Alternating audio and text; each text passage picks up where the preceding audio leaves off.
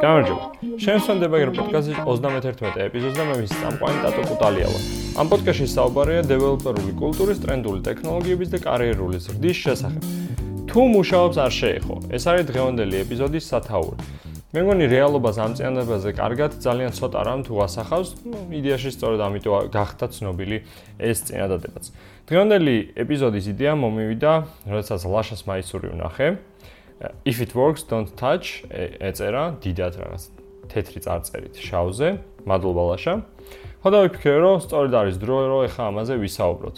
აი ეს ტერმინი ძირითადად ხდება შემდეგნაირ კონტექსტში მაინც გადავიმეორებ თუ ვინმე ჩამორჩა ან არიცის როდესაც რაღაც მუშაობს მაგრამ კაცმა არიცის როგორ მუშაობს ან ყველა ხედავს რომ ძალიან სუდადაა გაკეთებული მაგრამ ეშინია ყოველას მისვლის და შეცვლის. იმიტომ რომ სანამ მუშაობს და თვითონ არ ჩამოინგრევა, არავის არ უნდა რომ ახლოს ხელი და პასუხისგებლობა აიღოს თავის თავზე. ცხოვრებაში ალბათ ყველა შეხვედრია აი ასეთი პროექტები, ასეთი სიტუაციები, ასე გამართული ორგანიზაციები მნიშვნელობა არ აქვს. ყველაფერი ამ პრინციპით არის თითქმის სამყაროში მოწყობილი. ან მარტო პროგრამისტების ხვედრი არ არის ეს და ვისაც არ შეხვედრია თუ არსებობთ ასეთი, გეტყვით რომ აუცილებლად შეხვდათ, ყველაფერი წინ გაქვთ და არ ვიცი აქამდე როგორ არ შეხვდათ, ალბათ რაღაც განსაკუთრებულ კვერცხის ნაჭუჭში ხართ. მოკლედ, ეს ყველაფერი იქით რომ გადავდოთ, უკვე ვგრძნობ რაღაც ორად გაყოფილ ბანაკს, რაზეც სწორედ ეხლა მინდა რომ ვისაუბრო. მარცხენა მხარეს ავიღოთ ხალხი, ვინც ამ ტერმინს ამართლებს და იტყვის, რომ ოპოპოპოპ არ შეეხო, არა, არა, როგორც არის, ეგრე უნდა იყოს, იმიტომ რომ რაღაცა გაფუჭდება, ჩვენ ამის თავი არა გვაქვს და მე ამას რა გაასწორებს? აი ეს გაკეთებულია კაცო 20 წლის წინ. ეს უნდა იყოს ისე როგორც არის. მართლა მინახავს ასეთი სისტემები, რომელზეც ჯობია რომ არ შეეხო. იმიტომ რომ არავინ არ არის იმ წუთას ისეთი კომპეტენტური კომპანიაში, ან ვერ მოესწრო იმ პროექტის დაბადებას და საკმარისი ცოდნა ვერ დააგროვა, რომ სწორად შეცვალოს ეს სისტემა, იგივენაერ მდგომარეობაში იყოს ახალი სისტემა, რასაც აკეთებდა წინა. შესაბამისად, ეს მიდგომა ძალიან ბევრჯერ შეგვხვდება ცხოვრებაში, არა მარტო პროგრამირებაში, ისე როგორც თქვი, ყველგან. აი მაგალითისთვის, მინახავს ძალიან ბევრი სისტემები, სადაც ჯერ კიდევ უყენიათ ძალიან ძველი Windows-ის სერვერები. და მხოლოდ იმიტომ უყენიათ, რომ არავის არ უნდა ხელი მოკიდოს აი ამ ყველაფერს გადაასწოროს. იმიტომ რომ უბრალოდ შეიძლება გაფურჩდეს და ვეღარ აღადგინონ. ხო? განამისა ძველ სისტემას აქვს ძალიან ბევრი ერთმანეთზე ან ურთიერთ დამოკიდებული კომპონენტები, სადაც ბოლომდე არ გესმის, ან დოკუმენტაცია არ გაქვს ეს რაღაცები როგორ ტრიალებს, ბიზნეს ლოგიკა როგორ მუშაობს და ამიტომ არ გინდა რომ გააკეთო რაღაცა. და არც ზემოდან არავინ გაძალებს, იმიტომ რომ ბიზნესისგანაც ხშირად მოდის წახალისება, რომ არ შეეხოთ, სანამ მუშაობს, მუშაობს, აი ეხა ამ სიტუაციაში ეს ფულს წერს და ჩვენი ნავი მიდის წინ, ამიტომ ჩვენ ამას არ ვეხებით. და დეველოპერებიც და სისტემური ადმინისტრატორები, ну, მოკლედ ყველა, აბა ბიჭებო, არავინ არ ვეხებით, სანამ მუშაობს, მუშაობს და მხოლოდ ცდილობენ რომ რაღაცა დაასტაბილურონ მდგომარეობა. მეორე მხარე ბანაკის რო ავიღოთ არის ხალხი, ვინც პირიქით ეგრევე ხელებს დაიკაპიცებს და რაღაც მოგვერდით შეუვარდება ამ სისტემებს რომ გადაწერონ. აა აქვე პატარა შენიშვნა და გავაკეთო რომ ეს არ ნიშნავს რომ ყოველთვის კარგად გადაწერენ და ეს არ ნიშნავს რომ ამ ხალხმა ყოველთვის იცის რა უნდა გააკეთოს, უბრალოდ აქვთ სურვილი რომ რაღაცა გააკეთონ და არ მოსწონთ. და ხშირად ეს ემგვანება იმას აი ოდნავ რომ გადაუხვიოთ ლირიული გადახორო გავაკეთოთ, აი სახში რემონტს რო გააკეთებთ, ან ფილებს რო გააკრავთ, რაღაც სანტექნიკას გააკეთებთ, მაგის შემდგომ თუ დაგჭირდათ რაღაცა და სხვა ოსტატი მოიყვანეთ, ხო? იზოსტატი ყოველთვის ლანძღავს წინას და მის საქმეს, რომ აი ეს რაც უდოდ გააკეთა, მე უკეთესად გავაკეთებდი, ნეტა არ იყოს ასე გაკეთებული. ზუსტად იგივე ხდება დეველოპმენტ სამყაროში, ზუსტად იგივე ერთ-ერთში. რომ არაზოს არავის, თითქმის არავის არ მოსწონს წინა გაკეთებული და გონია რომ თვითონ უკეთესად გააკეთებდა. თუმცა ხშირად კონტექსტს არ ითვალისწინებს. ხო და სწორედ ამაზე მაქვს საუბარი, რომ ეგ არ ნიშნავს, რომ ვიღაცას რო ხელს დაიკაპიცებს და უნდა რაღაც გადაწეროს. უკეთესად გააკეთებს და არ ნიშნავს, რომ ყოველთვის ზადაა ეს ადამიანი, იმიტომ რომ ხშირად ეგ ხალხი ჩემი დაკვირვებით არის, რომ legacy code-თან ვერ მუშაობს და ეს არის ასე ვთქვათ, რა თავდაცვითი მექანიზმი, რომ არ იმუშაოს ხშირად სხვის code-თან ან მოძველებულ სისტემებთან და ასევე არ აქვთ საკმარისი გამოცდილება თავს არ გზნობენ კარგად უკვე აი ამ არსებულ სისტემაში გასარკვევად და დებაგინგში. აქ მინდა უცებ ორი წამით გავჩერდეთ და ცოტა სხვა კუთხით შევატრიალოთ ეს ჩვენი სცენა. ანუ ორი ბანაკი ხო გვაქვს? მოდი ახლა ცოტა შევხედოთ ბიზნესის კუთხიდან რა ხდება. კიდეშე ორი ყველა თანხმდებით ალბათ რომ მარტივი რო ყოფილიყო ამ საკითხზე პასუხი ხო? მაშინ არც ეს ეპიზოდი არ ჩაიწერებოდა და არც თაობებში არ იქნებოდა ეს ტერმინი ცნობილი. თუმცა აქ ვართ და ეს ნიშნავს რომ რაღაცა ტრეიდოფები არის გასაკეთებელი და ისე ვერ გადავწყვიტოთ. და ზოგადად ბიზნესში, software development-ში სადაც არ უნდა ვიყოთ, არაფერი არ არის კი და არა.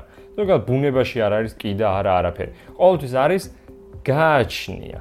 აი გააჩნია კონტექსტს და ყოველთვის უნდა გავაკეთოთ რაღაცა არჩევანი. ხო და აი ამ პერსპექტივიდან ვისაუბროთ ახლა. ვისაუბროთ რა კომპონენტებზე არის საუბარი. ეს კომპონენტები long term-ში უნდა გქონდეს თუ მოკლე პერიოდში შესანარჩუნებელი. ხო, იმიტომ რომ თუნდაც ამერიკაში საბანკო სისტემები ან დიდ ქვეყნებში და კომპანიებში, რომელიც დეკადებია უკვე არსებობენ, არის რომ აი ძველი კობოლზე დაწერილი სისტემები და დღესაც კი ქვეყნის მასშტაბით კი არა, სოფლიო მასშტაბით ეძებენ დეველოპერს, რომ ოღონ შეინარჩუნონ ეს კობოლის კოდი. თან ასეთი რაღაცა არის. მილიონობით ადამიანი სარგებლობს ამ რაღაცით და მილიარდობის შემოსავალი მოსდის კომპანიას და როგორია ახლა რომ რაღაცა გააჩერო და შემდგომ შეიძლება ვერ აღადგინო იგივე სიტუაცია და რო გადაწერა რაღაცას იგივე სიტუაციაში ვერ დაბრუნდე და შეიძლება საერთოდ რაღაცა ჩამოინგრეს, ხო?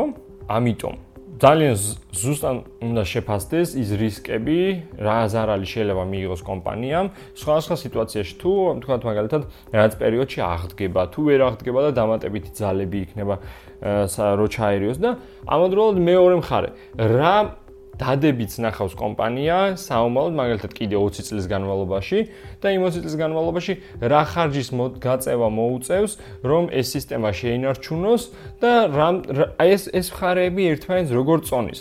აი უკვე უკვე საკმაოდ რთულ საკითხზე შევედით და არ არ ვართ ისეთ სიტუაციაში რომ იმ ახალი ტექნოლოგია გამოვიდა და მე ამაზე მინდა გადავწერო და რაღაცა ეგ ეგ ეგეთ ბავშვურ თამაშებს გავწდით ხო? ანუ პრობლემა ანუ არის რეალური სამყარო სადაც ეხება ფულს საქმე არა მარტო ფულს ანუ არის სამედიცინო სისტემები სადაც ადამიანის სიცოცხლეს ეხება საქმე და როგორია ხა ადამიანის სიცოცხლესთან თამაში თუ სერიოზულად რაღაცა რისკები არ გაითვალისწინე. სწორედ აი ამას ვამბობდი, რომ აი რაღაცა გააჩნია ყველაფერს. მე მაინც ყოველთვის მომხრე ვარ, რომ სადაც კი შეიძლება რამე გაუმჯობესება, უნდა წავიდეთ უკეთესობისკენ. თუმცა თლიანად მოხდება ამ რაღაცის შეცვლა თუ არა, ეგ საკითხავია. აი ზოგ უფრო მარტივი რაღაცა შედარება რო გავაკეთო, ის გავს რომ წამიგეთ სახლი, რომელიც დაძველდა და შეიძლება ჩამოინგროს ოდისმე და ყველა მიცის ეს სადღაც ჩამოინგრაო, მაგრამ ამ მომენტისთვის მაინც ყველა შესახლებულია ამ სახლში, რომ წვიმას შეეფაროს და არავინ არ იცის შინიდან როგორ გაასტოროს ეს კედლები ეფექტურად. თუმცა იციან რომ როდისმე რაღაცა ჩამოინგრევა. აი ეგეთი სიტუაცია არის.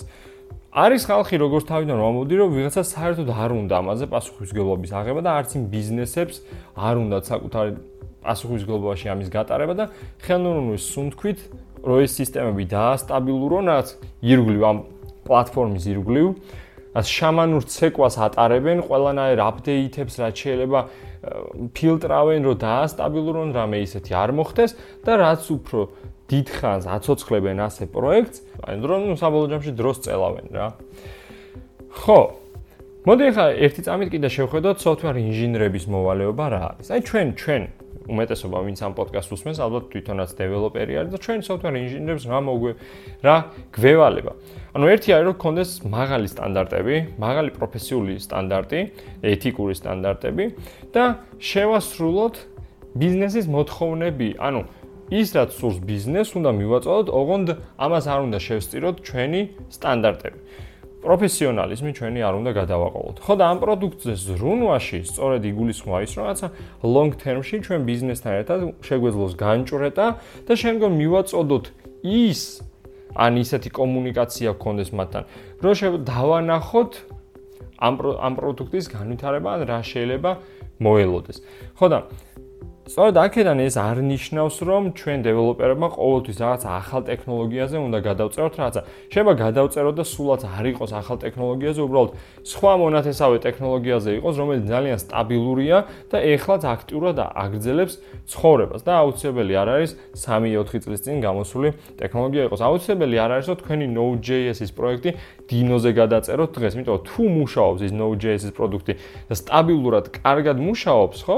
მაშინ საერთოდ ამ ამ შემთხვევაში აუცილებლად არ არის რომ ის დინოზე გადაიწეროს. იგი ანუ ენას არ აქვს მნიშვნელობა, უბრალოდ მინდოდა რომ ხაზი გამოსვა, რაცა თუ რაღაცა გამართულად მუშაობს და რისკის ქვეშ არ იმყოფება ისე ძალიან აუცილებელი არ არის რომ პირველივე ცდაზე ჩვენ მივიდეთ და გადავწეროთ.